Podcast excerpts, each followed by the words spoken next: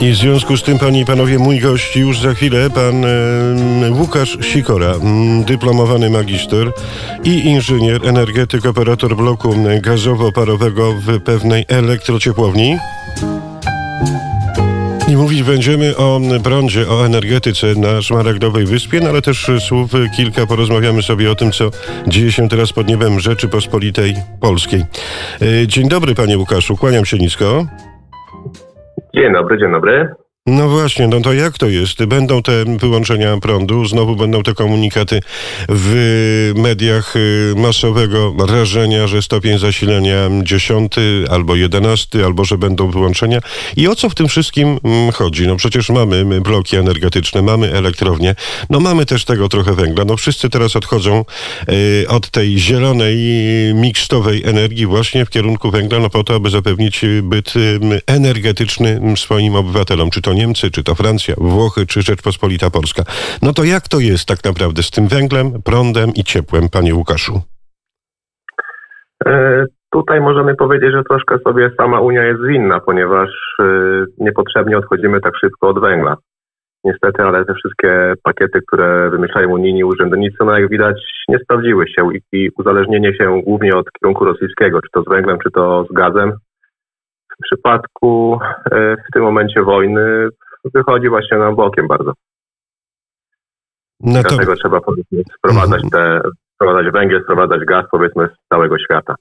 Mieliśmy dużo swojego węgla, niestety no zostały te kopalnie zamykane. Jak teraz widać, niepotrzebnie. czyli co, mądry y, Polak przed i po szkodą głupim, czytując pewną pieśń z Księgi Wtórych Jana Kochanowskiego, panie Łukaszu? Można by tak to nazwać. Jak, jak zwykle właśnie tak jest mądry Polak po szkodzie. Ale my będziemy dzisiaj... tej szkody nie było. Mhm. Ale właśnie teraz jeszcze jedna rzecz, bo już teraz ym, wszyscy mówią, że warto racjonalnie podchodzić do zużywania energii lub po prostu zacząć ją oszczędzać i dzięki temu podwyżki będą mniej odczuwalne. Tak mówi na przykład pan Wojciech Dąbrowski, prezes Rady Zarządzającej Polskiego Komitetu Energii Elektrycznej. Ale z tego co wiem, mówił mądre głowy, to, że ja wyłączę zbędną żarówkę, czy jej nie wyłączę, no to i tak to jest zupełnie bez sensu, patrząc na to, co nazywa się wydaniem energii z elektrowni. Czy to prawda? E, tak, no jest na przykład taki, taki program jak Godzina dla Ziemi, prawda, każdego roku. No i też są głosy, że potem włączanie tego wszystkiego więcej prądu pożera niż te, ten prąd, który jest zaoszczędzony w ciągu tej godziny. Smutne, ale prawdziwe. Pan Łukasz Sikora, energetyk, operator bloku gazowo-parowego w elektrociepłowni. Natomiast niech mi pan trochę powie o tych naszych tutaj strachach. Być może to są strachy na lachy, patrząc na e, mieszkańców Rzeczpospolitej Polskiej, którzy są rezydentami Republiki Irlandii. Czy Irlandia jest e, bezpieczna pod kątem energetycznym? No, jeżeli będzie ta twarda granica, no to wiadomo, że większość, zdecydowana większość e, firm wytwarzających energię elektryczną to jednak Wielka Brytania. Więc co może się zadziać, kiedy będzie ta twarda granica, panie Łukaszu? I jak to bezpiecznie, energetycznie, ciepnie wygląda, jeśli chodzi o Irlandię? E, Generalnie Irlandia nie powinna mieć większego problemu, jeżeli chodzi o wytwarzanie energii elektrycznej. Plany rządu są e, ambitne, również tak, tak, takie same jak e, rządu polskiego. E, Ja znalazłem dane za 2018 rok, e, gdzie wyprodukowały irlandzkie elektrownie 31 terawatogodzin prądu elektrycznego, e, z czego 66% stanowiły paliwa kopalne, w 52% był to gaz, węgiel z portem 13%, no i ropa jedynie 1%, a OZE wyprodukowały 34% prądu. Głównie to były wiatraki, 27%, później elektrownie wodne, biomasa i odpady. Praktycznie elektrowni fotowoltaicznych w Irlandii nie ma. Plany rządu zakładają do 2030 roku, że może powstać w zawodowej energetyce około 2,5 gigawata. W Polsce w tym momencie mamy 10 gigawatów y, prądu z y, mamy mocy, mocy zainstalowanej, fotowoltaika 10 gigawatów. Także jest to już czterokrotnie więcej w Polsce niż zakłada rząd irlandzki do 2030 roku. A plany polskie były takie, że te 10 gigawatów miały powstać do 2040 roku, także bardzo szybko nadrobiliśmy to, co było w planach rządu. A ta strategia ma niecałe dwa lata. Panie Łukaszu, jak to wygląda pod kątem em, em, produkcji w Republice Irlandii, a potrzeby importowania energii elektrycznej, gdy mówimy o Irlandii, Republice Irlandii? Generalnie prądu z importu nie jest dużo. Irlandia ma dwa interkonektory z Wielką Brytanią i ze Szkocją. Oba, jeden jest do Irlandii Północnej i nazywa się Moil 500 MW, a drugi jest do Dublina, również 500 W East to West Interconnector. E, jest mm, planowany i projektowany trzeci interkonektor, tym razem z Francją, Celtic Interconnector, do miasta Cork. Będzie miał długość 575 km i będzie miał moc przesyłu energii 700 MW. Dostał już on dofinansowanie z Unii Europejskiej 530 milionów euro, a całkowity koszt szacuje się na 930 milionów euro. Jego budowa powinna ruszyć w przyszłym roku i zakończyć się około 26-27 roku. Powiedział wyczerpująco pan magister inżynier Łukasz Sikora, energetyk, operator bloku gazowo-parowego w pewnej elektrociepłowni. Natomiast niech mi pan powie, wygląda na to, że Republika Irlandii jest zabezpieczona cieplnie i energetycznie, no ale to samo pytanie dotyczy Rzeczpospolitej Polskiej. Przecież tam w siedmiu miastach można słuchać sieci Radia Wnet i naszego programu. Czy Polacy mogą czuć się bezpiecznie, czy jednak te lata zaniechań, czyli trochę papugowanie tego, co jest na zachodzie modne i powtarzanie, cytując pewną, pewien akt Kordiana Juliusza Słowackiego, że my, Polacy i Polska, jesteśmy papugą Europy. Czy te lata zaniechań nie sprawią, że jednak odczujemy to um, z racji do tkliwego zimna albo um, kaloryferów, które będą miały temperaturę 19%? No, pan jest um, specem od tego. Niech mi pan powie, czy jest to możliwe, że elektrociepłownia zrobi czary mary i powie, no to teraz w waszych mieszkaniach będzie 19 stopni max i nic się się nie zmieni w tej kwestii? Czy to tylko też takie no, mówienie po prostu sobie amuzą, cytując znowu Jana Kochanowskiego? E, powiem szczerze, ciężko byłoby zrobić 19 stopni, ponieważ no, my jakby wysyłamy energię cieplną w sieć, no i potem już reguluje sobie sama spółdzielnia na wymiennikowniach swoich takich przyblokowych, tą, tą temperaturę, która potem idzie na grzejniki. Ciężko będzie zrobić 19 stopni, ponieważ musieliby zrobić jakiś, nie wiem, czujnik temperatury w każdym mieszkaniu i na przykład sobie odcięcie kaloryfera, no to jest praktycznie niewykonalne w tym momencie, żeby coś takiego zrobić w ciągu kilku miesięcy tak naprawdę. A jesteśmy bezpieczni energetycznie? Polska, Rzeczpospolita Polska, nasza ojczyzna? Wydaje mi się, że tak. No, mamy troszeczkę energii w OZE, w odnawialnych źródłach energii, ale mamy też y, bardzo dużo w tych sterowalnych y, źródłach energii, czyli elektrownie konwencjonalne, czyli powiedzmy elektrownie węglowe, dużo mniej elektrowni gazowych, no ale głównie stoimy na węglu. Węgiel brunatny, węgiel kamienny, no on nas generalnie zabezpiecza.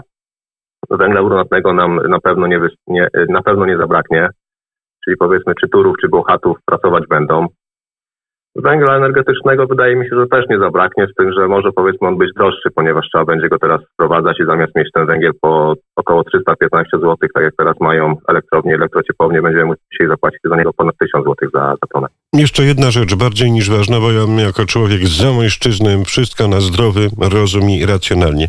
Czy rzeczywiście to, co mówią polscy politycy, że lepiej opłaca wynająć wielkie statki i sprowadzać ten węgiel z Republiki Południowej Afryki, Australii, Nowej Zelandii, niż kopać węgiel w Polsce? Prawda czy fałsz, panie Łukaszu? Jak to jest z tymi politykami naszymi? To znaczy tak, y, na pewno tam węgiel będzie tańszy z tego powodu, że na przykład no w Australii praktycznie węgiel, węgiel y, ten nasz kamienny występuje tak jak u nas węgiel brunatny, także tak naprawdę no kopie się go kilka, kilkanaście metrów pod powierzchnią ziemi. W Polsce schodzi się nawet około chyba kilometra, żeby wykopać ten węgiel, także no koszty są nieporównywalnie wyższe w Polsce tego węgla ale jak teraz pokazuje sytuacja, nawet lepiej dotować te kopalnie i mieć ten węgiel droższy, ale nie być uzależnionym od nikogo z zewnątrz. To, o czym na przykład teraz rząd mówi już od kilku lat, że lepiej mieć własne fabryki, nawet jeżeli troszkę będą one drożej produkować, niż uzależniać się od jakichś zewnętrznych dostawców. To teraz pokazała pierwsza pandemia, gdzie też cały świat stanął, no i był problem generalnie ze wszystkim. E, no teraz pokazuje to wojna, że też musimy sprowadzać różne towary za granicy, powiedzmy, które mogły być spokojnie produkowane w Polsce.